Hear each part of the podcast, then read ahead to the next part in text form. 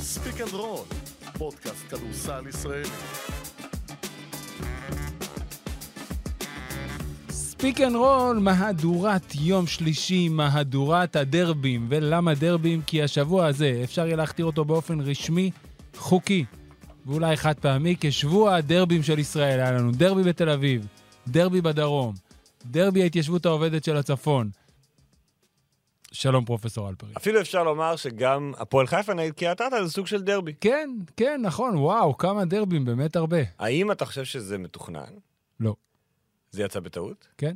כי יש, אה, יש, יש מקומות שעושים את הדברים האלה. לא פה. נגיד, איכשהו תמיד יוצא באירופה, שאיכשהו באותו יום ראשון, עכשיו אני חושב שזה תמיד צירוף מקרים, אבל זה איך שיוצא, פתאום יש אה, וירטוס נגד, מיל... נגד אה, מילאנו, כן. ברצלונה נגד וקלאסיקו, ריאל, ואז פתאום ביירן אלבה, זנית צסקה, וגלת עשרה פנרבכט. וצסקה חימקי. הכל, זה תמיד יש. ו...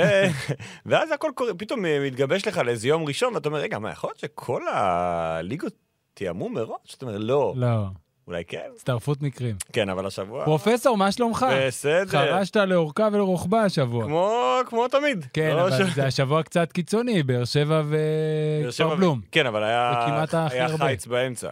חיץ. יום אחד של אה, NBA בעשר וחצי. איך מצבנו בפוטבול, דרך אגב? אנחנו לקראת גמר ה-AFC וגמר נכון. כן, ה-NFC. קבוצות טובות בשבוע. קיבלנו. תמיד. כן, אבל יש, יש- מרגיש לי... הכל יהיה טוב, יהיה כיף בסוף. הג'יינטס עפו. שזה יפה שהם הגיעו בכלל, נכון. אבל... אה, מה, נתנו הצגה בווילד קארד. כן, נכון.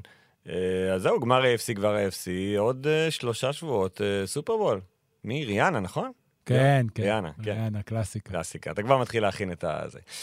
מה שלומך? הכל אה, בסדר? כן, יופי, כן, לא יופי של השתנה- חבר. לא השתנה הרבה משבוע שעבר. אז מה? צריך לשאול בשלומך? יש עכשיו- דברים עכשיו הוא שחייבים חולה. לעשות. עכשיו הוא חולה, הילד. אבל ישנת איזה לילה? לא. לא עזרה השיחה? לא. כאילו עזרה ללילה אחד, ואז הוא שכח. כי הוא, יש לו זיכרון קצר מועד. אז אני, אפרופו, אני שמתי לב היום רק, שהיו לנו מלא תיוגים בטוויטר, תייגו גם את החשבון, את ספיק אנד רול, וגם אותי באיזה... אה, איזה מישהו כתב על הדרבי ועוד איזה משהו, אני לא זוכר מי, ורק היום התפניתי לזה. למה רק היום התפניתי לזה? כי לקח לי איזה יומיים וחצי עד שהצלחתי להשלים את כל המשחקים, וכאמור, כמו ששמעתם פה, אני די מתנתק כן. מכל הזה. אז ביום, אה, השבוע זה היה קצת קיצוני, אז אני אחלוק ככה, כי זה נראה לי מספיק מצחיק בשביל שאנשים אולי יבינו כמה הסריטה הזאת עמוקה. יום שבת ערכתי הרצליה, ירושלים הרצליה. היה שני משחקים. כן. והיו שני משחקים. באתי, החלטתי שאני הולך לראות אחד בבית ואחד להשלים בראשון. איך שאני יוצא, סיימו לערוך תקציר לאתר. תקציר לאתר זה עם שדר, ו- ואני שומע את דניאל צועק, והפועל חולון מביסה את אוי, נס אוי, ציונה. אוי, אוי. אז אוקיי, משחק אחד ירד, ראית- לא ראית אותו? ראיתי, אבל זה- לא, לא ב- בלחץ של כן. הזה. רצתי, אה, וכאילו מיהרתי לצאת מהבניין כדי שלא יהיו טעויות, ורק, ולמחרת השלמתי, לא הספקתי. עכשיו, גם נשארו לי ילדים בבית, ופה ושם, והיה דרבי ושידור גדול, ולא הספקתי לראות. אז כשהגענו לדרבי, יש לנו ב- בפריגם, היה גם פריצה לא- למשחק אה, הפועל חיפה קריית אתא, וגם שקופית עם התוצאות. אז במהלך שהשקופית עם התוצאות בפריגם שמתי ידיים על האוזניים ולא הסתכלתי, ובמהלך הפריצה שמתי ידיים על האוזניים ולא הסתכלתי, ואז במחצית, וזה היה שיא השיאים, זה קרה לי כבר בעבר, אבל זה נראה לי פתאום נחמד לספר, במחצית היה פריצה. במחצית היה פריצה לדני זילברשטיין מולי קצון שסיכמו. את חיפה קריית אתא? יופי, יצאתי מהאופטיוב. אוקיי, עכשיו לא ידעת מה היה. לא ידעתי. לא ידעתי, הגעתי הביתה, ובעצם, רק ביום שני ישבתי לראות משחק משבת, ואת חיפה בראשון. ואתמול מה? אתמול היה רגוע. אתמול ראיתי, אבל- ראיתי מוקלט, אבל בערב. זאת אומרת, כן. המשחק התחיל בשבע, התחלתי לראות אותו אה, בשמונה משחק וחצי. אחד, זה קל. כן. גם בשעה עד- טובה, כן, הילדים חיכיתי, ילדים, מסיימים, זה, וזה, אתה בכיף. יושב לך, כן, גם למאי היה משחק אימון. היה- צופה כמו כל המדינה, בדיוק אז כשיש רק מכבי אתמול- חיפה ומכבי תל אביב, ואתה צפית בשידור החוזר של ברור. גליל נגד גלבוע. לא, זה לא שידור חוזר, אני רואה שידור מוקלט. אבל בוא נשים את זה שבזמן שיש מכבי חיפה ומכבי תל אביב, טוב, זה לא אמור להפתיע אותך. לא, אבל כל... אתמול את האמת שאלו אותי על זה גם, ואמרתי שאני לא רואה כדורגל. לא בגלל שאני לא רוצה. פשוט, זה לא מעניין. לא, זה כן מעניין. אני יודע מה הייתה התוצאה. אה, לזה אתה לא, לא מחכה. אל תגידו לי. לא. אל תגידו לי מה קרה במכבי תל אביב ומכבי חיפה. לא, לא, זה היה באמת שבוע יוצא דופן מסמיכות זמני, ולק- ובאמת, רק אתמול בערב בשעה 11 שסיימתי סופית את כל המשחקים, אז נכנסתי לטלגרם, ונכנסתי למייל, ונכנסתי לטוויטר, וראיתי את כל התיוגים, אז סליחה שלא חזרנו, זה באמת יצא עמוס. וואי, אפרופו זה, בוא נמשיך בעוד סיפור מאחורי הקלעים. עוד היה אחד. דרבי, לפני שניכנס כדורסל. וואו. האם כן. אתה יודע מה זה הדבר הזה?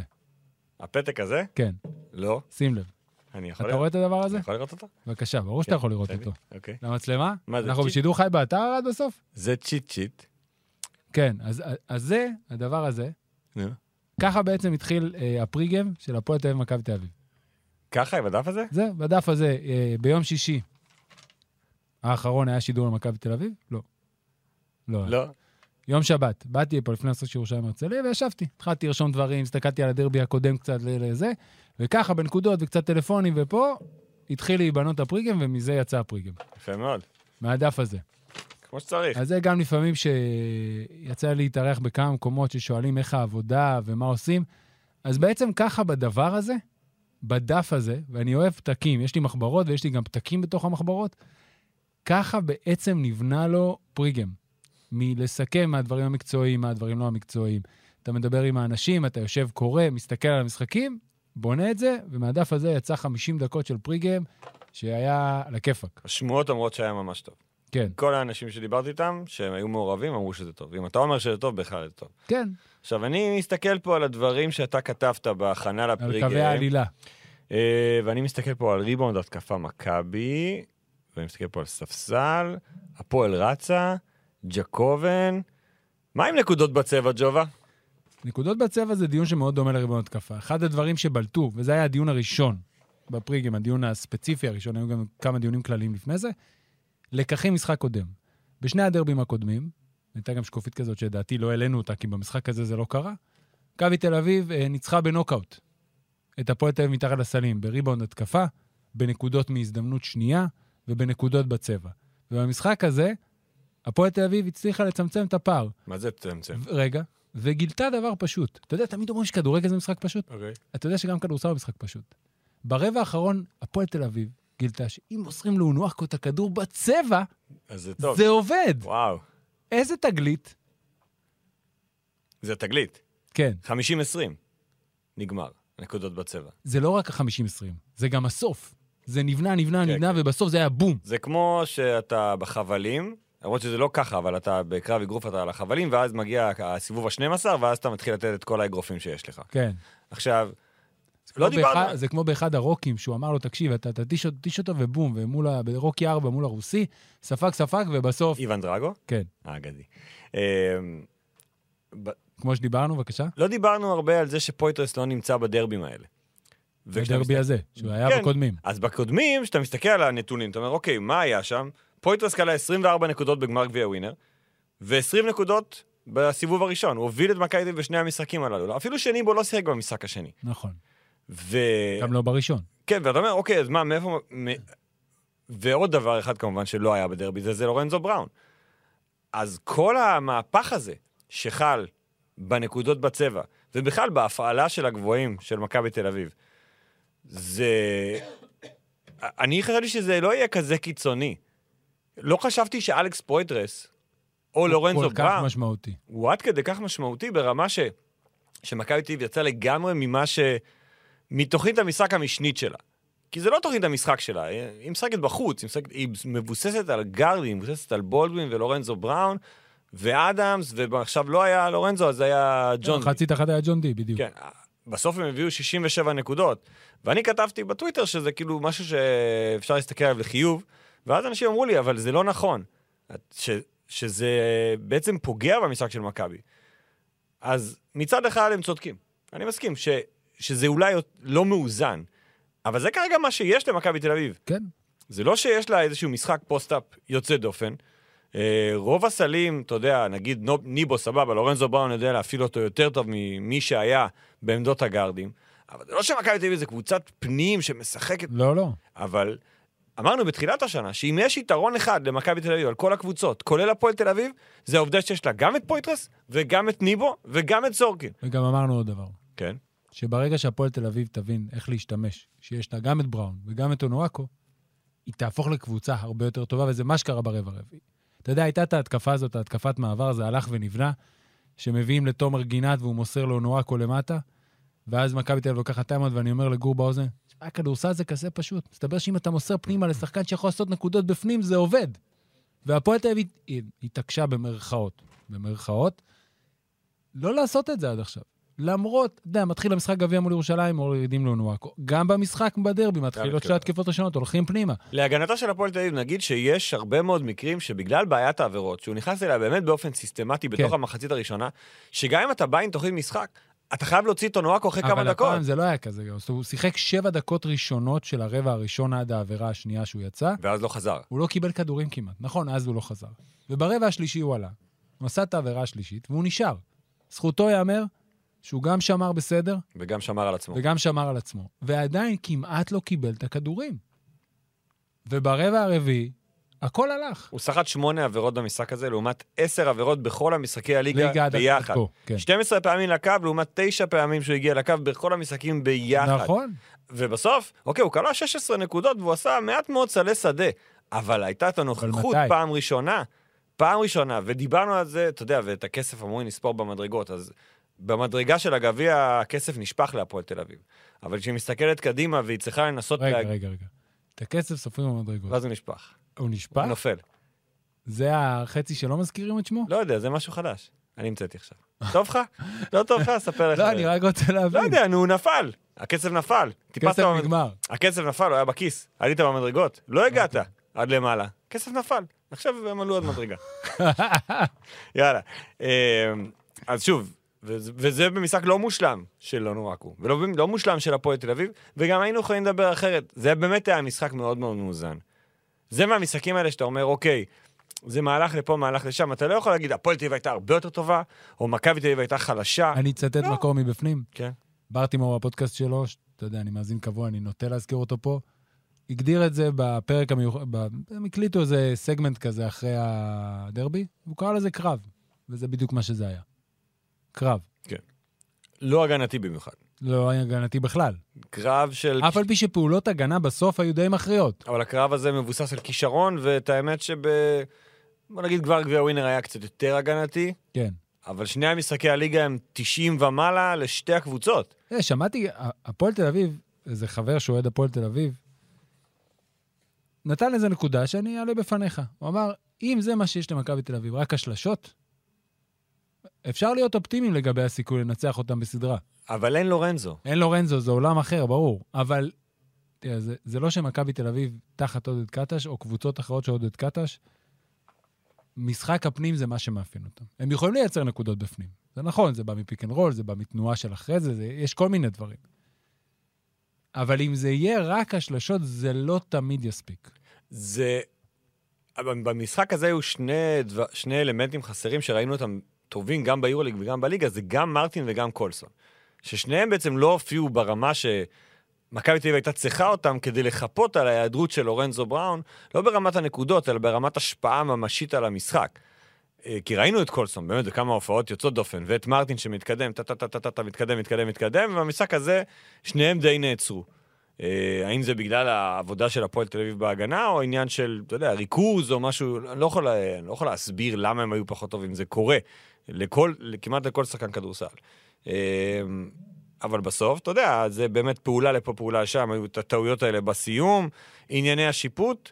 ש- עזוב, עזוב, עזוב לא, אותי, לא, אני אגיד, עזוב אני- אותי. בק- בקטנה, אני- תגיד רגע, מה שאתה רוצה. אני אגיד שבכל משחק צמוד, בטח בדרבי, תהיה החלטת שיפוט שאחד הצדדים לא יאהב.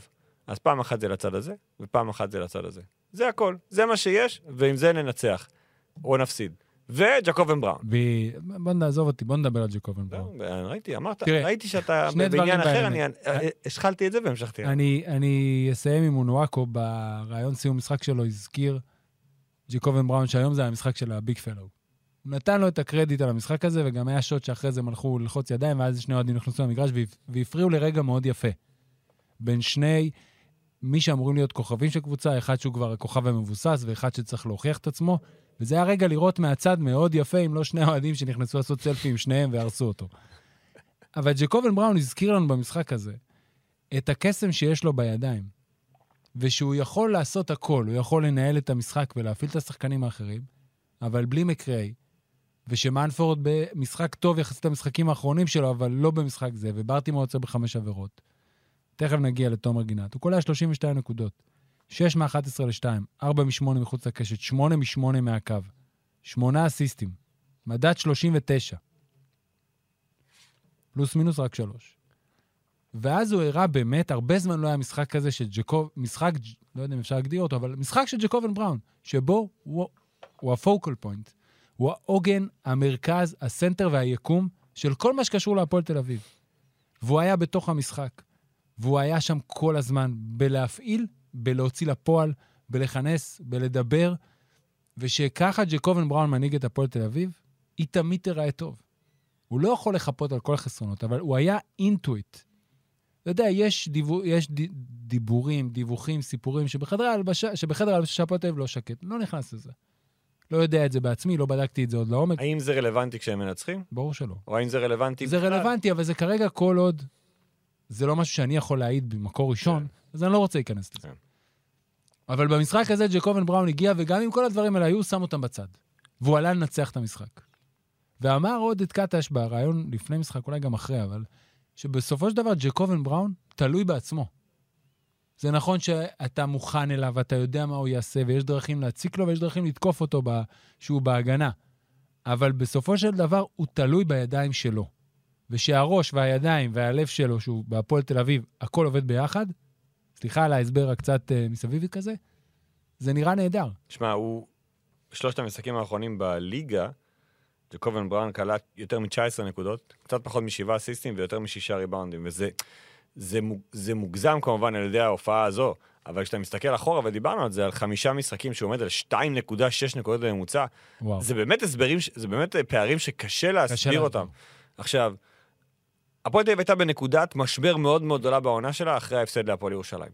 ודיברנו ותהינו מה קורה עכשיו. האם זה מוביל להתפרקות, או האם זה מוביל ל... אוקיי, אה. קריאה מחדש. כן, קיבלנו את ה... רזרקשן, כן, לא יודע אם רזרקשן זו המילה הנכונה, והיא מילה יפה. מילה נהדרת. אז לפעמים צריך גם ללכת עם היופי. אני יודע. הולך איתך. ואז בא ג'קובן בראון במשחק נגד פריז ומסר 17 אסיסטים? 16. 16 אסיסטים, והפועל תל אביב, שוב, פריז, בעיותיה במשחק הזה היו ק- גלויות. קשות, קשות ולא קשורות לפועל תל אביב, אבל היא הייתה יריבה בהזמנה מבחינת הפועל תל אביב במשחק הזה. ואז מגיע דרבי, שהוא לא חשוב אמנם כמו המשחק נגד ירושלים, הוא חשוב. אבל כן מאוד מאוד חשוב להפועל תל אביב כמועדון. אני אגב שאלתי כמה אוהדי הפועל תל אביב פה, וזה משהו שאפשר לראות אותו כסקר. אם עכשיו מחזירים אתכם אחורה בזמן, נותנים לכם שני משחקים, דרבי וגביע, כשאם אתה מנצח את הפועל ירושלים, לא מובטח לך שאתה זוכה בגביע, אבל כן אתה עולה לחצי הגמר. איזה משחק אתה בוחר לנצח בתוך השבוע הזה? אני?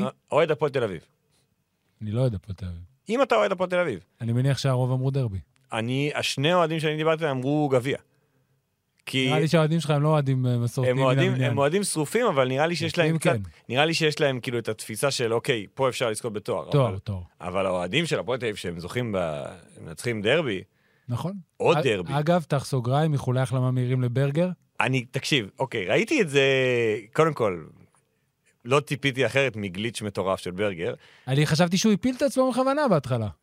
זה היה נראה שהוא התגלגל, כן, התגלגל. זה הייתה, זה היה, אקסט... הייתה אקסטזה, כן. אבל זה היה יותר מאקסטזה. כי יש לו כבר איזה גלגול אה, בעברו של אה, ניצחון גדול. באופן כללי הוא בחור עם אה, אקסטזות. נכון. ואז הוא כתב, ואני אני קראתי את זה, לא יודע, שבע שעות אחר כך, כי לא הייתי מחובר או משהו, ואז אמ- אמרתי למי שלידי, אה, הוא צוחק, נכון? זה לא רציני. הוא, לא, לא, זה, זה כן, כן. אמיתי. הוא באמת- גם בהמסטרינג וגם בארבע אז ראשי. באמת החלמה מהירה. כן, אוהבים אותך. אה, ברגר. שתשוב למגרשים בקרוב, לא נראה לי שזה יגרום לו לפספס איזשהו משחק. פיזיותרפיה, השאלה איך זה יפריע לו עם הכלב, עם הילדה וזה, זה... קודם כל, אני יודע איפה זה שהוא יגביל אותו? מאזין לספיק אנד רול בזמן הטיול עם הכלב. אה, כן? אז אני מאוד מקווה, חשיפה ראשונה, אני מאוד מקווה שזה לא יפריע לו, לשמוע. גם לכלב. סתם, ברגר החלמה מהירה. סגור סוגר. נחזור, כן. הפועל תל אבל תראה, עם כל הניצחון הגדול הזה, הפועל תל אביב גם, סליחה, בלטו כל מיני, דב- אה, בלטו כל מיני דברים שהיא, שעוד יפריעו לה, והיא תצטרך לה- לחשוב איך היא פותרת אותם. אני זורק אותם לא לפי סדר מסוים. עידן זלמנסון נכנס, ברבע השני זה היה? לא, הוא החליף את אה, הוא אונואקו. החליף את אונואקו, אז משחק גם הורדיק. ברבע השני. כן. מכבי תל אביב ישר הלכה לפיק אנד רול על הרגל. עכשיו, זה לא תמיד לא תמיד זה משהו עובד. שהוא עושה לא בסדר גם. כן. אוקיי? לא כל אחד שומר בפיק אנד רול בזה, אבל עדיין זה מציב בעיה. מבחינת הכיסוי ההגנתי, ואז יש יתרון למכבי תל אביב, זה אחד. דבר, ש- ושהורד נכנס זה קצת נרגע. אבל אז לפעמים אתה מגיע להרכבים של הורד, אונואקו וטוקוטו, ואתה בבעיה בהתקפה, אין לך מי שיעשה סל. אם אתה זוכר, הזכרנו פה באחד הפרקים, אחרי שאונואקו הצטרף, שאונואקו וטוקוטו, אסור להם לשחק באותו צד. אתה זוכר? כן, כי הוא לא יכול להוציא לו את הכדור. הוא- אז היה איזה משחק שהוא הוציא, הוא ניסה להכניס לו כדור למטה, ובגלל שקולסון יודע שהוא יכול להשאיר את אה, טוקוטו חופשי יותר, אז הוא כבר הלך אחורה וזה נגמר בעיבוד כדור. אז טוקוטו לא היה במשחק טוב בכלל. הוא לא, הוא לא מפריע, כן? הוא שחקן שחשוב להפועל תל אביב, אבל הוא כנראה יזקק עד סוף העונה את אחת הדילמות הכי גדולות של הפועל תל אביב. העובדה שהוא לא משחק בעמדה שלו. והוא לא, ואם נגיד במשחק כזה שתומר גינת מצוין, וטוב בעמדה 4, והורד נותן את שתי העמדות, הוא לא מוצא את עצמו. הוא לא שלוש בליגה שלנו. לא, לא, לא, הוא לא של... אי אפשר להיות שלוש בלי כליאה בעולם הזה. אה, יש הרבה דברים, אפשר לעשות הרבה דברים, זה לא העניין, אבל הוא, הוא, יכול להיות שהוא יצא מקולג' מצפון קרוליינה הגדולה, הוא כן היה שלוש. היום פה בארץ הוא ארבע, זה היתרון שלו. Mm. המשחק שלו, שהוא היה מעולה נגד פריז, הוא היה בארבע. זה הדברים שהוא תורם. הוא אתלט, יש את הכלי מחצי מרחק, יש לו משחק גב לסל, יש דברים. שומר מצוין, ברור, נהדר, צריך להיות בחור כזה שנראה לי שכולם אוהבים, טימי טוב, על הכיפאק. אבל כל משחק שהוא לא מוצא את עצמו, זה פחות שחקן ברוטציה שהפועל תל אביב מתקשה איתו. בטח ובטח אם אין לך את מקריי, וחסר לך עוד שחקן חוץ אחד. ובוא נגיע לאחד, אני מניח שגם אוהדי הפועל תל אביב יסתכלו עליו כאחד הגיבורים של הערב הזה, וזה גיל בני. עכשיו, אני רוצה לחבר את אה, גיל בני לגור לביא. אני גם רציתי לחבר את גיל בני לגור לאבי. בבקשה, ולחבר את זה לשני פרקים אחורה שדיברנו פה ש- אה, על ים הדר, והזכרת פה מאוד יפה כמה לפעמים ספורט בכלל וכדורסל בפרט הוא קשה מנטלית. מה שעבר על ים הדר, פתחת על זה, סופסל הכל ו- ולא הוריד את עצמו. ועודד. אז גיל בני וגור לביא לא מצאו את עצמם ברוטציה לאורך העונה. אז דיברנו על שניהם פה, על העובדה שהם שחקני משנה, שכל קבוצה מצליחה צריכה שחקני משנה טובים. וגם גור לביא וגם גיל בני, בשני המשחקים של, הק- בשני המשחקים של שתי הקבוצות שלהם במחזור הזה, ששניהם, שניהם, שני המשחקים הסתיימו בניצחון, עלו והתעלו בסיטואציה. בר תימור נקלע לבעיית עבירות, גיל בני נכנס. אה, דבון אפסון נפצע בחוץ לשלושה-ארבעה חודשים, הלך הבית. גור לביא משחק בחמש ובארבע כן. ומקבל הרבה יותר דקות, ונראה טוב. כמה וכמה פוזיישנים הגנתיים טובים, מצליח לייצר גם בהתקפה. שחקנים צריכים את ההזדמנות הזאת. כשאתה מחוץ לרוטציה זה מאוד קשה לאסוף את עצמך, ובמשחק אחד לעלות. אז עכשיו אתה אומר, אוקיי, דרבי והאווירה, אני מניח שזה מקל, אבל זה לא פשוט. לא, ממש לא. וגיל בני וגור לביא, שניהם מתחילים בגימל, שזה יפה. לא יצחיק אותך. אה, עשו את זה במשחק הזה. וגיל בני, אתה יודע, השלשה שלו, היא, עוד, היא לא מובנת מאליו נוכח בכלל לא. הנתונים שלו, מה הוא היה, על אחת מ-13, אחת מ-14 לפני לא השלשה? עושה נראה לי. ואז השלשה השנייה שלו העונה. ז- זו בעיה אצל גיל בני מעבר ל... ל... אבל אתה יודע, זה גם עניין של, של שחקן שמקבל הזדמנויות מאוד מעטות. כן. אחרי כל החטאה, הוא כבר מסתכל, מסתכל על הספסל. מסתכל הצידה, אם הוא יורד. טבעי לחלוטין. כנ"ל לגבי גור לביא. נכון. אה, עכשיו, אני לא יודע מה יקרה עם גור לביא ברגע שהגיע כבר זר חדש ל- להפועל נכון. חיפה. זיריוס וויליאמס. כן, אז אני לא יודע מה יהיה מעמדו. אני מקווה שימצאו לו. אבל, אבל, והדברים האלה יותר אמורים לגבי גיל בני מאשר לגבי גור לביא. גיל בני משחק בקבוצה שחרתה על דגלה להיות קבוצה היסטורית. זו שתביא להפועל תל אביב את התואר אחרי 30 שנה. ויכול להיות שבתוך העונה הזו, גיל בני וזלמנסון, כל שחקן שלפעמים מאבד את מקומו ברוטציה או יורד בדקות, אפילו טוקוטו. אתה יודע, ואם מחליטים פתאום לספסל את אה, מנפורד למשחק, או את מקריי למשחק, אז עדיין הם צריכים להבין את התמונה הגדולה של מה יכול להיות אם. כן.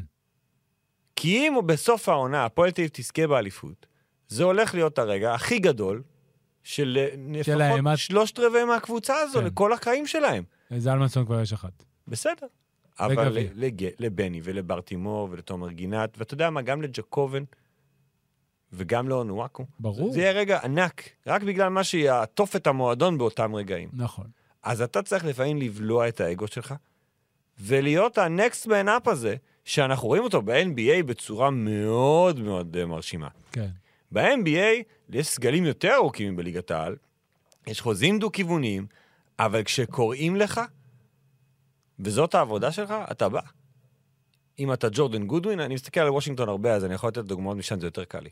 אם זה ג'ורדן גודווין, אם זה אנטוני גיל, אנטוני גיל יושב על הספסל כל משחק ומעודד. אנטוני גינס דוגמה מאוד קיצונית, כי הוא יושב מלא. הוא, הוא, רוב המשחקים שלו הם DNPCD, מה שנקרא, לא שחק בגלל החלטת מאמן, ופתאום הוא נכנס לאיזה משחק שכולם פצועים, הוא עושה 18 נקודות. ו- והוא בכושר הכי טוב בקריירה, כאילו יצא מחימקי לפני חמש וזה- דקות. וזה נפלא. וזה לא צריך להיות, צריך להיות האי- האידיאל של שחקן אתה יודע כדורסל. מה אני תוהה לגביו? איך לא כואבת לו הברך? אם תשים לב, הוא תמיד הוא יושב על הספסל. דרך אחת, נכון. איך זה לא כואבת לו הברך מזה? אחלה אנטוני גיל, לגמרי. אחד ה... אחד מגשים חלום, האלופים. אתה רואה עליו שהוא מגשים חלום. נכון. וזה, אגב, זה גם עניין של באמת, תפתח סוגריים, של שחקנים שאתה אומר, למה הם לא חוזרים לאירופה? הם אמריקאים, הם, כן. משחקים, הם בסגל של קבוצת NBA, וגם אם הם לא משחקים, הם מקבלים כסף בשביל להיות ב- במה שהם הסתכלו עליו כל החיים, אמרו, זה אני רוצה להיות. הוא דוגמה מאוד ואולי- קיצונית, אין הרבה כמוהו. ואולי יום אחד אני אקבל את ההזדמנות הזו. אז גור לביא קיבל את ההזדמנות הזו, ואני לא יודע, שוב, אמרתי, לא יודע מה יהיה איתו במשחק אה, הבא. אנטוני גיל בני. נתוני טוב. נתוני גיל בני, יפה. אמ, אז גור לביא צריך להמתין, כן. ובטח הוא, בשנה הראשונה שלו אמיתית בליגת העל, אין מה לעשות, זה ידרוש הרבה ספסל. אבל כשיקראו לך, תבוא, תראה שאתה שייך, תראה שאתה מוכן, במשחק הבא תקבל שמונה דקות. כן, אני חושב שנה הבאה, שבמשחק הזה גור לביא הראה שיש לו מה לתרום. נכון, שוב, אנחנו דיברנו הרבה על העניין העמדות שלו, מה העמדה שלו, האם הוא שחקן פנים באמת, מה הוא עושה, זה לא משנה כרגע, זה מה שמכתירים אותך כארבע, אתה חמש, תעלה, תן את כל מה שיש לך, וזהו. תלך הביתה, תסתכל במראה, אני נתתי 100 אחוז, אין לי, זה מה אני יכול לתת. מפה אין יותר מה לעשות. כן. מה טוב. עוד על הדרבי? תראה, זה ב- דיבר, בסוף בסוף, זה ניצחון יפה מאוד של הפועל תל אביב, וממשיכים הלאה. נכון. למכבי תל אביב יש עכשיו עניין עם היורוליג, עם בלי שלושה לורנזו בראון. משחקי- שלושה משחקי חוץ רצופים, קשים. מהמם. אולימפיאקוס שם, ראינו מה קרה לה בשבועות, ברצלונה. בזה, ברצלונה, ואז ולנסיה, גם משחק לא קל. אה, דווקא מבחינתה זה מתחיל איכשהו רצף מאוד מאוד בעייתי, ויש לה מה עם משחק את קיאט את השבוע כן. הבא, עם הזיכרונות. אבל כשהם הפסידו זה היה ב- בהיכל. נכון, עדיין זיכרון לקיאט את. כן. אה, שוב, תח- אז אחד הדברים, אני אפתח עוד סוגריים, שלא קשורים לדרבי, שהזכרתי בהתחלה שלא עניתי וזה, אז מאוד הצחיק אותי שמישהו כתב, דעתי זה היורוזון, דני דניאלי הגדול, על... אה, הוא החמיא למאנהיים ולפופי, על ההופעה שלהם בפריגם, ואז אה, האוזמן שאל אותו אם, אה, אם זה הפאוור קאפל הכי חזק. אז הוא אמר שיש תחרות, אה, יש גם את זה וגם את זה, והוא נתן גם אותנו. יש איזה תודה דיבור, רבה. אגב, ש... ש... על סטטיסטיקה בין מנהיים לפופי כשהם עושים קווים, שפופי מנצחת את מנהיים בצורה שוק על ירך. זאת אומרת שהם שהקבוצ- שניהם באותו משחק, הקבוצה של נועה מנצחת את אה, מאנהיים? כן, וואו. כן. מי אה. עשה את זה? איפה ראית את זה? אמ, היה לי אתמול שלוש, חמש שעות נהיגה עם פופי בדרך. כן, איפה, איפה ראית? אני לא, היא סיפרה, אוקיי. אני לא יודע מאיפה זה בא. שהם לא יודעים את השם שלה, אז הם קוראים לה קוקילידה או משהו כזה, הם לא, הם לא צריכים להגיד פופלינגר. הם קוראים- לא, לא הבנתי. לא משנה. סגור סוגריים. כן, בוא נעבור. עוברים לדרבי שלך. אנחנו רוצים לדבר על אה, משחק-משחק, או פשוט על אה, רשמים אה, מ... אני רוצה לדבר על גליל. אוקיי, יש לי, הכנתי. הכנתי, נתחיל בזה? רגע, אני... יש לי דף. עד שהבאתי דף. קבוצה הכי עמוקה בליגה, רגע, שנייה. נכון? אני אספר את הסיפור דרך... אה, רגע, יש לי שאלה. אוי. היא קשורה גם לגליל, סליחה, אני- אני זה. בתח- באחד הפרקים הראשונים של העונה, אני אמרתי פה, ועשינו דיון בינינו, למי יש את הסגל הישראלי הכי טוב? אוקיי, נראה איזה מחבר אותה, כן. אותך? בבקשה. אוקיי. גליל עליון מקבלת 37.7 נקודות בממוצע מהישראלים שלה. היא שנייה בליגת העל רק למכבי תל אביב. הם מהווים 43% מהנקודות שלה. גם כאן היא שנייה רק למכבי תל אביב. בששת המשחקים האחרונים, אוקיי? בה- בהם גליל עליון ניצחה חמישה משחקים. היא קיבלה 43 נקודות, 46 נקודות, 34 נקודות, 70 נקודות, 53 ו-44. זה אומר, 290 נקודות ישראלים, לעומת 247 נקודות זרים. זה 54 אחוז מהנקודות של גליל עליון, בתוך הרצף הזה שלה, הגיעו מהשחקנים הישראלים שלה, 46 אחוז, 6 אחוז מהנקודות הגיעו מהזרים. בחלק גדול מהמשחקים היו שלושה זרים. בחלק גם, לפחות בחצי מהמשחקים האלה, רועי אובר לא שיחק. מהמם. הנתונים האלה של גליל עליון הם יוצא דופן בכל קנה מידה, והם גורמים, כמו שאולי התחלת להגיד, יש לה את הסגל הישראלי אחרי מכבי תל אביב והפועל תל אביב, העמוק ביותר בליגה. אני לא אגיד הטוב, המילה הנכונה היא כן. עמוק. המשפיע. ממש- אוקיי, אז אני, יכול להיות שהוא אפילו יותר עמוק מהסגל של הפועל תל אביב. לא. לא. יש כי- להם אה- אדם אריאל, כן. זלמנסון, ברטימור, גינת וגיל בני, אני לא חושב ש... שוב, ופה יש שלושה שחקנים, בר תימור, תומר גינת, זלמנסון, אריאל וגיל בני זה חמישה. נכון.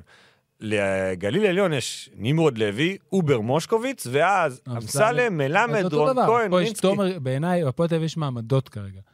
ב- בדקות, לא ב- לא אינטריגות ולא זה. אני לא חושב שאפשר לעשות ברמת לא, לא, לא. האיכות. אני לא משווה, ברור שהפועל תל אביב וזה, אבל היום ברמת העומק כבר יש פייט. ברמת העומק. כי ברק פלג מח- החליט שמבחינתו רון כהן הוא שחקן רוטציה. אז אני אפילו לא הסתכלתי, לא הכנסתי, כי יש לך, שכולם בריאים, ברגע שכולם חזרו ל- לקו הבריאות. לוי, אובר, מוסקוביץ', אמסלם מלמד. כן. לא הזכרתי את רינסקי פצוע, רינסקי פצוע שהוא פצוע, אז נשים אותו רון בצד. כהן נותן דקות. רון כהן נותן כן. ספורדי, כן. אז עזבתי אותו. חמישה ישראלים שמשחקים, שנותנים הרבה דברים. אז אם אנחנו מסתכלים, אז תחשוב. לוי מתקזז עם גינת? אוקיי, יופי. מושקוביץ או אובר תבחר מתקזז עם בר תימור? אוקיי. מי אתה בוחר? מה בעצם השלישי שלנו? זלמנסון? לא, מבין השניים שהזכרתי, מי מושקוביץ. מתקזז עם בר תימור? מושקוביץ. אוקיי. אז יש לנו אובר, אמסלם ומלמד, לעומת אריאל, זלמנסון ובני. נתחיל מזה ששלושת אלה מהגליל הם הרבה יותר עמוק בתוך הרוטציה מהשלושה של הפועל. המילה היא משפיעים. הם הרבה יותר משפיעים. הסגל הישראלי של הגליל הוא זה שיקבע לאן הקבוצה הזאת תלך, לא הזרים שלה. כן. זה, זאת הקבוצה היחידה בארץ שאפשר להגיד עליה את זה. היחידה בארץ. אין אף קבוצה שתוכל להגיד עליה שלפי איך שהישראלים שלה ישחקו, לשם גליל עליון תלך. אמת, עברתי בראש על כולם. גליל עליון, ב- ב- ברצף הזה שהיא מנצחת, היא קולעת 89 נקודות וחצי בממוצע, היא קפצה מהתקופה שלה, העזיבה של ג'יילן אדסון. מוזר ככל שיישמע. זה הדבר הכי טוב שקרה לגליל עליון השנה. זה שחרר את בוקר, זה הפך אותו להיות שחקן הרבה יותר משמעותי ממה שהוא עד עכשיו. מושקוביץ ואובר מרגישים טוב מאוד בעמדה הזו. אין שום בעיה בלי אדסון. הגיע זה- מרבל, הפציעה של הובר שחררה את מושקוביץ, ואז הם חזרו, ועכשיו זה הכל טוב ביחד. כן, הגיע, הגיע מרבל אתמול, משחק ראשון. מרבל, אוקיי, הוא שחקן משלים. תראה, ברק... דיר- לנגסטון הוא שחקן משלים, יש להם שני זרים נכון, שאמורים לקלוע. אבל בזה הם גם אה, ייחודיים, כי הם הקבוצה היחידה עם ארבעה זרים, שיש לה שני זרים שהם משלימים. אני לא יודע בגלל למרבל, זה עדיין אה, מוקדם, הוא יכול לדעתי לעשות משחקים גם יותר טובים טעון- ממה שהוא עשה טעון אתמול. הוכחה. טעון תראה, הוכחה. אהבתי את זה שברק בראיון סוף משחק אמר, אני לא מפריד זרים ישראל. ואני מבין אותו, כי ברגע שקבוצה בנויה על ארבעה זרים, וכל שאר הסגל הוא ישראלי, אין מה להפריד. אין מה להפריד. אלה השחקנים שיש, אלה השחקנים המובילים ברוטציה, אלה השחקנים הפחות מובילים ברוטציה, זה השישי, אלה בעמדות האלה. ברגע שעוברים לחמישה זרים ומעלה, ולשחק עם שני סגלים בשתי מסגרות, אז אתה יותר מפריד את זה. כי פעם אלה משחקים ופעם אלה משחקים, כי פה אתה רושם את זה. וברגע ש, שזה המבנה של הקבוצה שלך, זה הרבה יותר קל זה הרבה למאמן יותר כן, ברמה קל. גם ההיררכית. לשרון אברהמי בקריית אתא, כן. יש לו ארבעה זרים, כל שאר הסגל ישראלי, זה מה שיש. אז מבחינתו הם שחקנים, הוא לא עכשיו... אה, מ- ברור שאף מאמן לא באמת מפריד ביניהם. אבל קבוצות כמו ירושלים והפועל ח- אה, חולון, שמשחקות עם חמישה זרים במסגרת המקומית ושישה זרים, ולפעמים שבעה זרים במסגרת האירופית, הרוטציה משתנה. כנ"ל מכבי תל אביב, שלקחה את זה ממש לקיצון, אז אנחנו אפילו נתעלם מהעובדה שמול אלבה ברלין היו זרים פצועים, ויפתח זיו ומנקו שיחקו. נשים את זה בצד.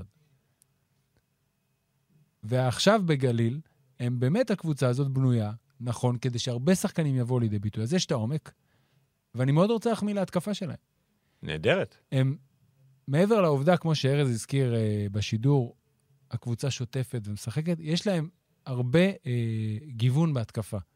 זאת אומרת, דיברנו על משחק הפנים, אה, למשל שחסר למכבי תל אביב. לגליל עליון נמרוד לוי השנה הולך יותר לפוסט-אפ. לא הכל נגמר בסל שלו, אבל הרבה פעמים העזרה שמגיעה, הוא רואה את השחקנים הפנויים מהאור שלו והוא מוציא. עכשיו, זה לא רק שהמסירה הזאת היא חייבת להיות בסל. לפעמים אתה מוציא, רץ עזרה, אתה תוקף את הקלוזר, אתה מוציא שחקן אחר, ויש שחקנים פנויים. זה היה אתמול ב... אה, אה, אה, אה, זה... איפה רשמתי את זה? הנה, אוקיי. הסל של 68-51. זה אופציה אחת. אופציה שנייה, ברייס וושינגטון בפיק אנד רול. יש לו עכשיו כבר ממש התחבר עם אה, בוקר. ראינו את זה לפני זה עם מוסקוביץ', מושקוביץ'. פעם זה שורט רול שהוא מגיע וזורק את הג'אמפ שוט מהחצי עונשין. פעם זה הוא מתגלגל, יוצא שחקן, הוא מוסר, מסירה לרצפה, מסירה הצידה. יש להם כלים, כמובן, ומשחק המעבר שלהם, הריצה שלהם נהדרת, כיף לראות. נמרוד לוי רץ מטבעת לטבעת עם האורך שלו. אובר יש לו את הביטחון, מושקוביץ יש לו את הביטחון. הקבוצה הזאת היא כרגע בסינרגיה נהדרת. יותר קל שמנצחים, יותר קל שיש מסגרת אחת, אבל יותר קל שהקבוצה היא מאוזנת. מבחינת חדר הלבשה, מבחינת זה. עכשיו, אפשר להגיד, אוקיי, בסוף יש שחקנים משלימים, יש שחקנים מובילים, זה לא משנה כרגע הדרכון שלהם, ואני באמת חושב ככה. אבל זה אחת הקבוצות הבודדות, אולי יחד עם קריית אתא, וכן, שיש שם ארבעה זרים, וכל שאר חדר ההלבשה הוא ישראלי. ולכן, באופן טבעי, הוא דומיננטי יותר. אני לא אשכח פעם בחמישיות, באמת, לפני משהו כמו עשר שנים, היה... אה, שמוליק ברנר היה באולפן, לא זוכר למה, יצא אחרי זה, דיברנו. זה הייתה בתקופה שלא היה מגבלת זרים. היה אפשר להחליף כמה שאתה רוצה, והיה מותר עד שישה זרים בקבוצה. הוא אומר, לא משנה מתי אני בא, עולה מישהו מהנוער עכשיו. ויש שישה אמריקאים. חצי חדר הלבשה מדבר אנגלית. חצי חדר... הל- עכשיו, אני לא רוצה, אני לא יוצא פה שמעון אמסלם, כן? רציתי להגיד לך ש- שכאילו שמעון אה, ד- עושה לך דף מסרים לא, פה. אין פה שום דף מסרים, אני חושב שהכל זה עניין של איזון. נכון. בסדר? אם היו גם חמישה זרים בקבוצה הזאת, כמו שהייתה איזו תקופה שעוד מליק אה, עבדלאבו נשאר והחתימו את לנגסטון, אין בעיה, אני חושב שזה פחות טוב, כי אז אתה זה, אבל נגיד חמישה. אבל עדיין הרוב, חמישה מתוך 12, נשארו שבעה, הם עדיין הרוב. וזה חשוב, ו- וזה... בזה, למה? אני סוגר את הכל, כי כן. אהבתי את זה שברק אמר, זה השחקנים. ויש פה את המובילים, ויש פה את המשלימים, ובגלל זה הוא הדגיש את לנגסטון, שלא רושם איזה מספרים יוצא דופן. כמות הפעמים שברק מזכיר את לנגסטון בראיונות סוף משחק, לעומת התרומה הסטטיסטית שלו, האמיתית שלו, כן. זה- זה כאילו יחס אסיסטים עיבודים שהוא די.ג'יי קופר. נכון, נכון, אבל אני באמת אהבתי לראות במשחק הזה מול גלבוע, זה היה... לא הייתה תחרות. אתה מבין, באה הקבוצה, שזה היה ההפסד העשירי שלה, גלבוע. חמישה זרים. עם חמישה זרים, עם מאמן חדש, שאמורה להילחם על החיים שלה, ופשוט היה פה נוקאוט. הם בזון עכשיו. כן, גליל בזון, קבוצה שהכי כיף לראות אותה אולי עכשיו בליגה, וכמו הפועל תל אביב, שהייתה חסרה לליגה שלנו הרבה שנים, גם גליל עליון הזו, כן, הקולג' הזה, זה כמו פעם. זה כאילו הכי קלישאה, אתה יודע, אבל זה באמת נכון, שמשהו שם מאוד זה מאוד... סיפור אמיתי. זה מיוחד, תשמע, זה אחרת. הסיפור הזה יש לו רגליים בשנות ה-80. כן, וזה, ו, ועד הירידה שלהם והחצי ההיעלמות הזאת, אי שם באמצע 2008. שנות ה... כן, 2008, זה היה סיפור שהחזיק שנות ה-80, שנות ה-90, שנות ה-2000, מעל 30 שנה. זה לא הבזק חד זה פעמי. לא אפיזודה חולפת. כן. ולכן טוב שהם חזרו, ושיש את המקומות האלה, שצריך אותם, גם בתוך הליגה. לא בסוף, אני לא עכשיו אומר, צריך פה שלושה זרים, לא. במילה, אני, דיברנו על זה הרבה פעמים, אה, תעודת הביטוח הזו, שהיא הזר החמישי או הזר השישי, לקבוצות שלא משחקות בשתי מסגרות, או משחקות בשתי מסגרות, נקרא לזה מתירניות, אה, היא פוגעת בשחקן הישראלי, כי היא לא נותנת לו להיות... הרי איך גור לביא קיבל את ההזדמנות שלו? כי שוחרר ג'יילן ג'ונס, ונפצע אפסון, אפסון. ואז פתאום מצא את עצמו שרון דרוקר עם שלושה זרים וחוסר ברירה. כן. אני לא בטוח שההחלטה המקורית של שרון דרוקר הייתה לשתף את גור לביא במשחק הזה, אבל זה מה שקרה. ולפעמים מחוסר ברירה, ואת זה שמעון אמסלם מספר לי המון פעמים, נפצע ארל וויליאמס, ואז אה, לא היה יותר זרים, אז העלו את אה, שמעון לשחק. כן, הזדמנויות ופציעות זה חלק מהמשחק, זה לא אבל, משנה. אבל כשיש לך חמישה או שישה זרים, ייפצע זר, מיד יחליף אותו זר נכון. אחר, אתה כישראלי לא מקבל את ההזדמנות לא. הזו ספציפית. אז זה באמת לכל שחקני הבועה האלה, הפרינג' האלה, שהם ישראלים, שהם כן רוצים את ההזדמנות, אבל הם בתשיעי, עשירי ברוטציה. מאוד מאוד קשה להם לפרוץ, כן. כן. שתמיד יהיה יותר, יותר זרים בתוך הסגל של הקבוצה. זה, זו המצב, כל קבוצה תעשה הישר בעיניה, כן? אה, זה עניין כל אחד שלה. עושה מה שהוא רוצה. אנחנו יכולים להגיד שאנחנו נהנים מגליל כי היא נראית ככה. כן, כי היא גם, עוד פעם, היא מנצחת, הרי היו במשחקים תחילת העונה שהם שמרו כל כך גרוע, שלא היה כזה כיף לראות אותם. לא. אבל עכשיו הם משחקים טוב, ויש שיפור והתיאום, ואתה רואה את הקבוצה מתקדמת. זה אחד האינדיקטורים הכי טובים לקבוצה... אה, בריאה. בריאה, זה שהיא משתפרת תוך כדי העונה, ואז אתה רואה, אז דברים בהתחלה הלכו פחות טוב. עכשיו, זו זו לא קבוצה שתאיים על תואר, אבל זו קבוצה כבר שהמקום השישי ובית עליון, כמו שהיה לה שנה שעברה, נמצא בהישג יד. אם אתה... יש שני מאמנים חדשים בליגה. אחד אה, מאוריציה בוסקאלי, השני אריאל בית הלחמי. כשאתה מסכם את הבכורה שלהם. רגע, עוד מילה על גליל. כן, זהו. נקודה שרשמתי, אפרופו הזכרנו את שמעון. כן. שמעון היה רב עם הקווין מגיז של העולם. אה, כן. כל הגבוהים היה מרביץ להם. ואמסלם? הוא רודף אחרי גארדים הוא קטנים. לא זה. הוא לא בוחל בריבים שלו. לא, אני לא, אני לא מדבר על הריבים, אני מדבר ששמעון שחק לוטן גבוה. שומר 1 עד 4. לאותן שומר בעיקר את הגארדים כן. המסוכנים של היריבות. לונדון פרנטס במשחק מול גלבוע. די.ג'יי די.ג'יי קופר במשחק מול נס ציונה. הוא השחקן שהם שמים. כן. עם ספידי הידיים הארוכות, ספידי סמית. זה התפקיד שלו. הוא משחק, שזה מדהים, זה 180 מעלות הוא משימות משחק הגנתיות. לוטן, שוב, גילוי נאות, אני משדר עם שמעון ואני מכיר את לוטן הרבה כן. מאוד שנים. הוא משחק אה, כי הוא שומר, כן, זה מה שמשאיר אותו על המגרש. נכון. כשתתחבר לו גם ההתקפה, ויש לו, הוא כישרוני, שתתחבר ההתקפה שם והוא יצליח לייצר באופן יציב 8-10 נקודות במשחק, הוא שחקן רוטציה לכל קבוצה בליגת העל, נכון. ל- לכמה שנים יפות. אוקיי, עכשיו אתה יכול להתקדם ל... אם אתה, אם אני צריך, ל- בסוף המחזור הזה, יש בוסקליה, יש בית הלחמי. מי יותר מודאג מהקבוצה שלו? אה, ברור שבית הלחמי. בסדר. למה, באמת חשבת ש... אני העליתי את השאלה, רציתי ש... אבל אני חושב שאתה יודע את התשובה. בסדר, אבל זה עדיין דרך טובה לפתוח את, הפ... את הסגמנט הזה. שמה what, מה הנקודה שלך הס... בסגמנט הזה? הסוגיה ש... בוא נגיד ש...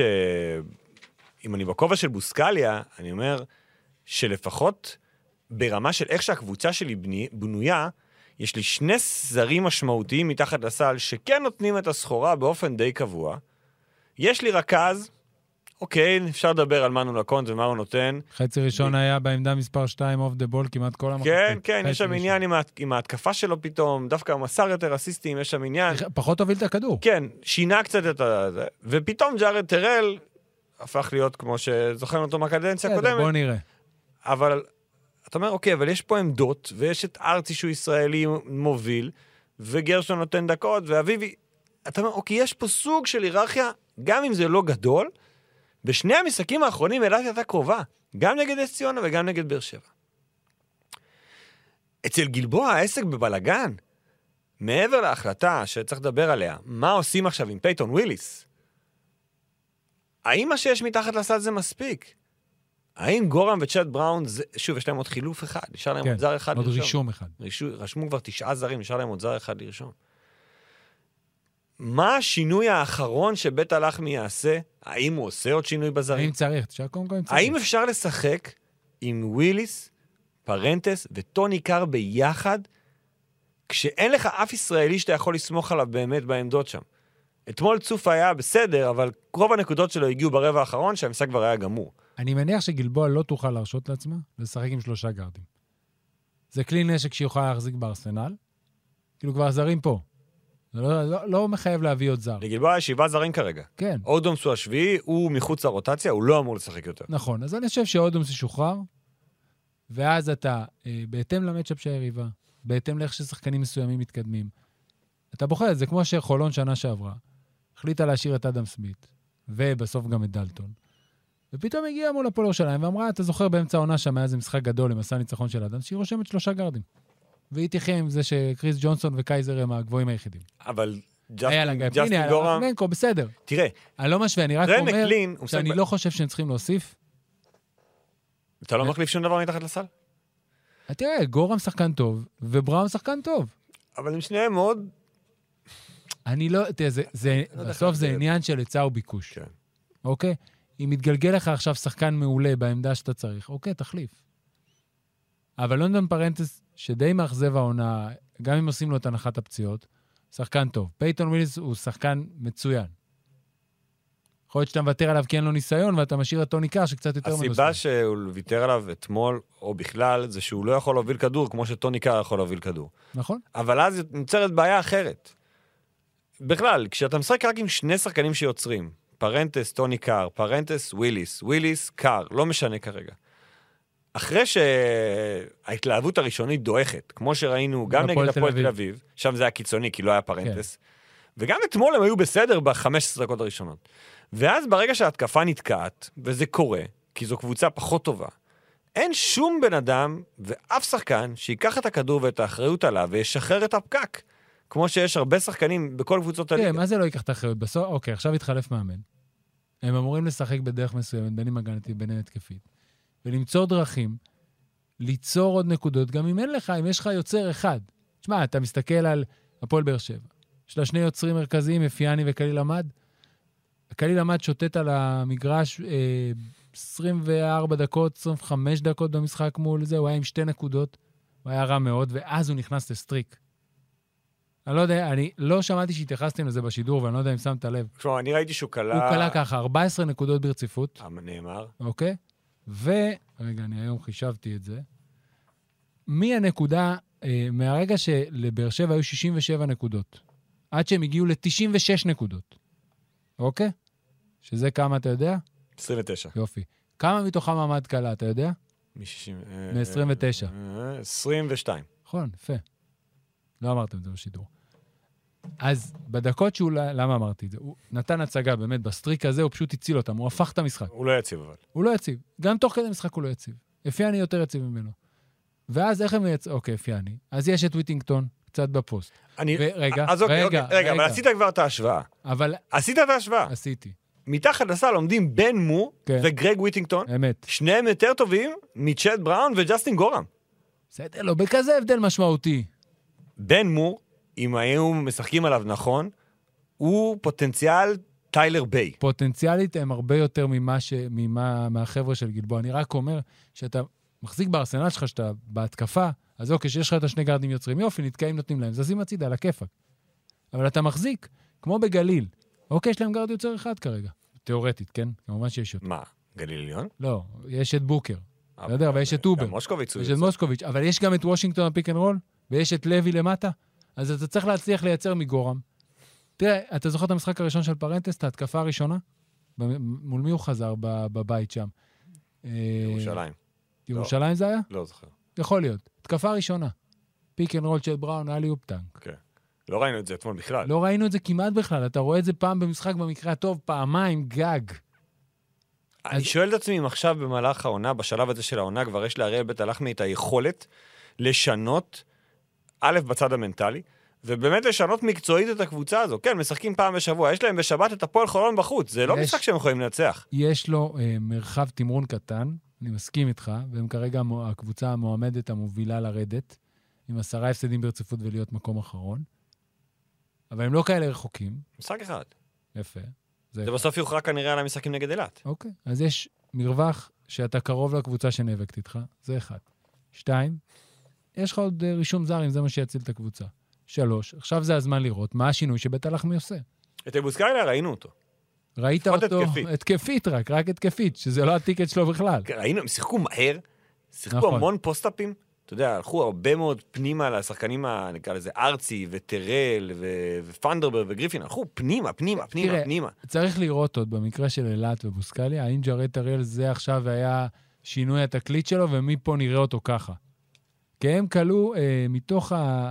גריפין פתח עם שמונה מתוך ה-16. גריפין וטרל כלו את כל ה-15 הראשונות של אילת. לא ראינו את טרל עד היום ככה. לא, ראינו לא. אותו, אתה זוכר במשחק בהרצליה, הם ניצחו ונתן ארצי התארח פה בפרק אה, יום אחרי, והוא אמר, זה, זה מה שהוא היה צריך. שחק את הזריקות האלה ובלי לחשוב וכאלה. אז זה היה משחק מזמן, ומאז הוא לא חזר על זה. לא, לא, אני חשבתי שצריך להחליף אותו מזמן, אבל הבנתי, אתה יודע, שהם לא מצאו כרגע אף תחליף ראוי. כן. יפה, אז, אז זה בדיוק זה, זה צריך לראות האם יש משהו בשוק שיכול לענות על דברים. כי טוני קר שחקן טוב מאוד, לונדון פרנטס שחקן טוב מאוד, טרי מקלין שחקן טוב מאוד, גורם שחקן טוב, לא טוב מאוד. צ'אד בראון שחקן נחמד, יש לו יתרונות, צריך לדעת להפעיל אותו. אם פתאום ייפול פה איזה סנטר, אה, כמו שוויטינגטון בסוף הגיע לבאר שבע, אז אוקיי, תחליף. אבל אם לא, אין צורך. אגב, אילת, אה, יש להם את האופציה שהיא, אני חושב שהיא ריאלית, ללכת לחמישה זרים בסוף. זה משהו ש... אם עד עכשיו הם לא הלכו לחמישה זרים, אני לא אה, אני- רואה את זה קורה. אני מה הבנת? שמעתי שמעת, אוקיי. שיה- שזה שם. אבל זה תמיד היה שם. נכון, אבל כנראה שכל עוד החרב לא עומדת להם ממש על הצוואר, הם לא יעשו את זה. הם יכולים לעשות את זה, הם פשוט מוותרים על המענק. נכון. גם אין, יש להם כרגע חמישה זרים, שאת הזר החמישי שלהם הוא לא רלוונטי. תראה, אני הם חושב יצטרכו למצוא עוד זרים, זה הם הם כמו מחפשים. עניין הרישום הנוסף, כרגע ישימו את זה בצד, בואו נסתדר. אם בוסקאי יצליח לשנות דברים, והקבוצה תנצח משחקים. כמו שאמר, מתי אילת משחקת עם גלבוע? בסיבוב הזה? אני לא זוכר. אוקיי.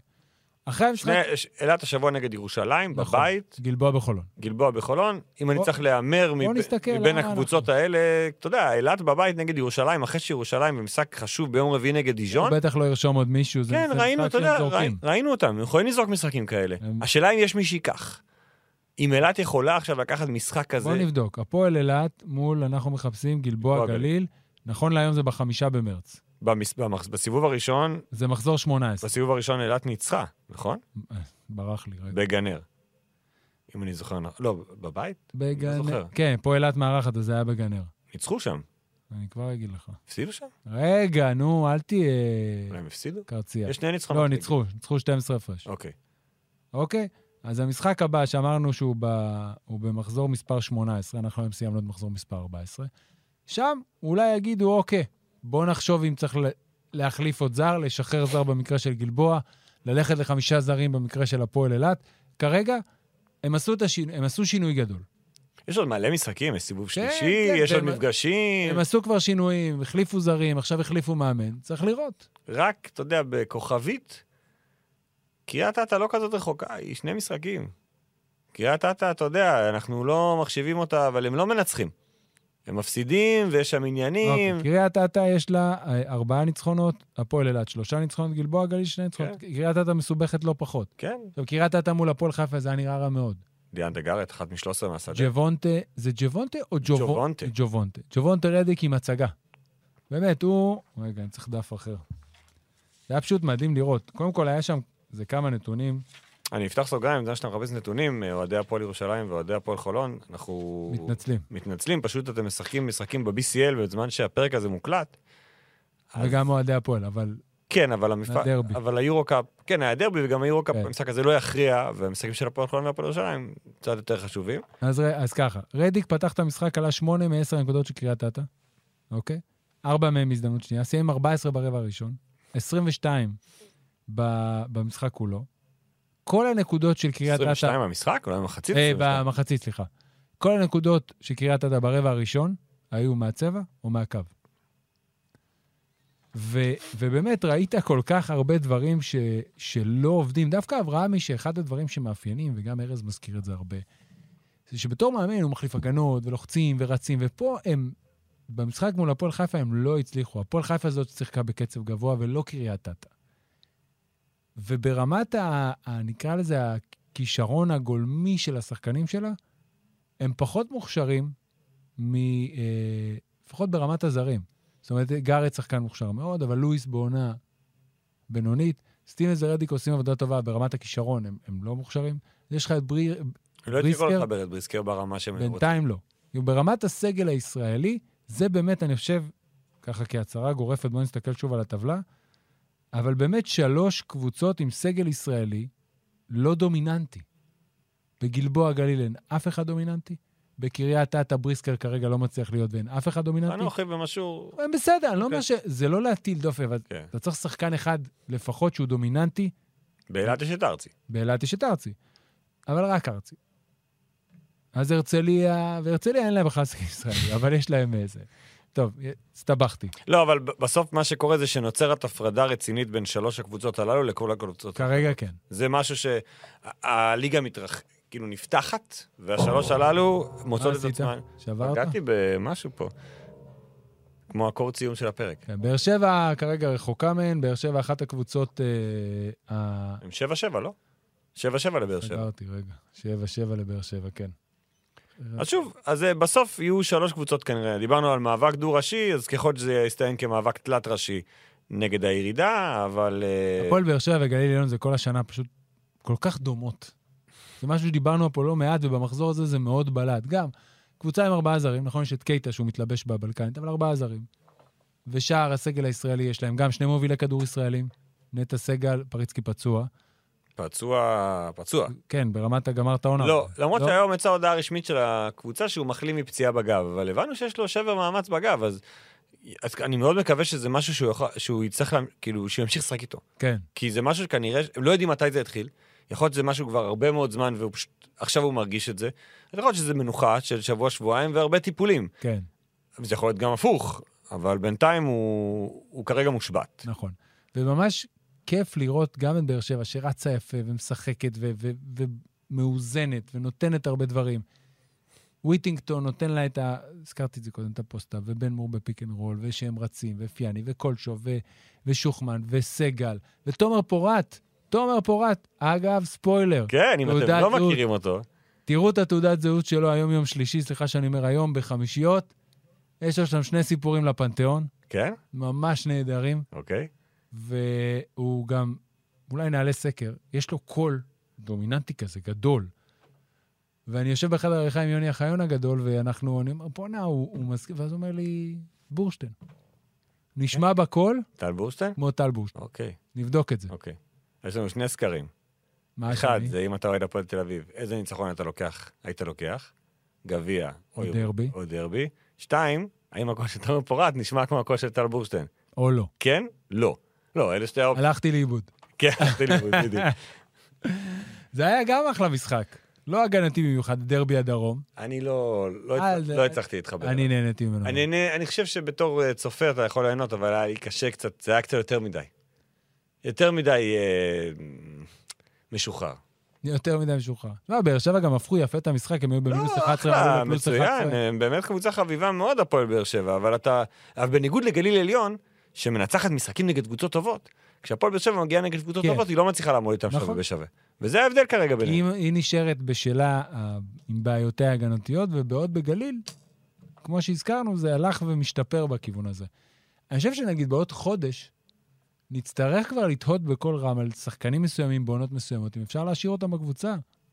אתה יודע, באזור מרץ, אפריל, ברמת השחקנים הזרים, זרים, ישראלים, לא משנה. אתה יודע איזה מאמן יישאר בעונה הבאה בכל קבוצה? שאתה יכול להגיד איזה שחקנים יישארו? ברור שלא. אני יכול להניח שברק פלג יישאר בגליל עליון. יכול להיות שעוד חודשיים אני אדע יותר טוב. אבל אני אומר, בהנחה אה, שקבוצות מנצחות שעומדות במטרות שלהן, סביר להניח שהמאמן ימשיך. בעיניי ברק פלג צריך להפוך להיות ה... גיירו? זוכר את גיירו? אני הלכתי על ספולסטרה, אוקיי. אבל זה לא אותו דבר. לא, זה לא טוב. פופוביץ'? גם לא. גם לא. אבל- גיירו, גיירו יותר מתאים. כאילו מאמן אקדמיה באוקזר. כן. גירו, זה מאמין שפעם היית רואה. פבלו לא. כדורגל. לסו? גם לא, אבל זו קבוצה גדולה. כן. אתה מדבר על קבוצה קטנה שהיום, אה, מה אומרים אה, פה? אומרים שרן, רן אה, מגדלת כישרונות צעירים. סליחה? רן, קבוצה שמגדלת טימפי כישרונות... ורן? לא, רן, מהליגה הצרפתית, מגדלת כישרונות צעירים ומוכרת אותם. דורטמונד. בסדר, אבל זה- יש לה את אותו מאמן כל הזמן.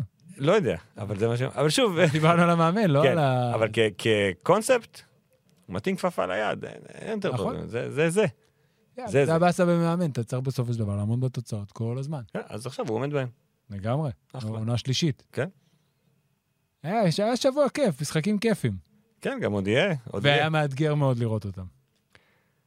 אני שם... אה, אז אנחנו פאוור קאפל? איך יהיה? איך אני בסוף לא אנחנו ואתה? יוצאים מזה? כן, בטח. כן? כן. יותר מפופלינגר ומאנהיים? בואו בוא נעלה, יש לי עוד סוגיה לקראת סוף כן. הפרק. מתי מקליטים פרק שבוע הבא? או...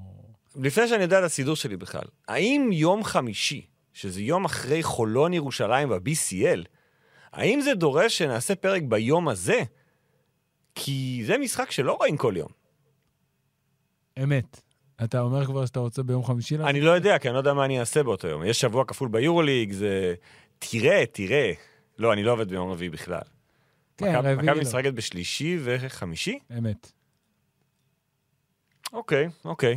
אנחנו... כאילו אתה אומר פרק ישראליות באירופה? אמר ככה נזניח את המחזור? לא, ממש לא נזניח את המחזור, אבל אני חושב שבאמת זה שבוע אחר שחולון וירושלים נפגשות באירופה.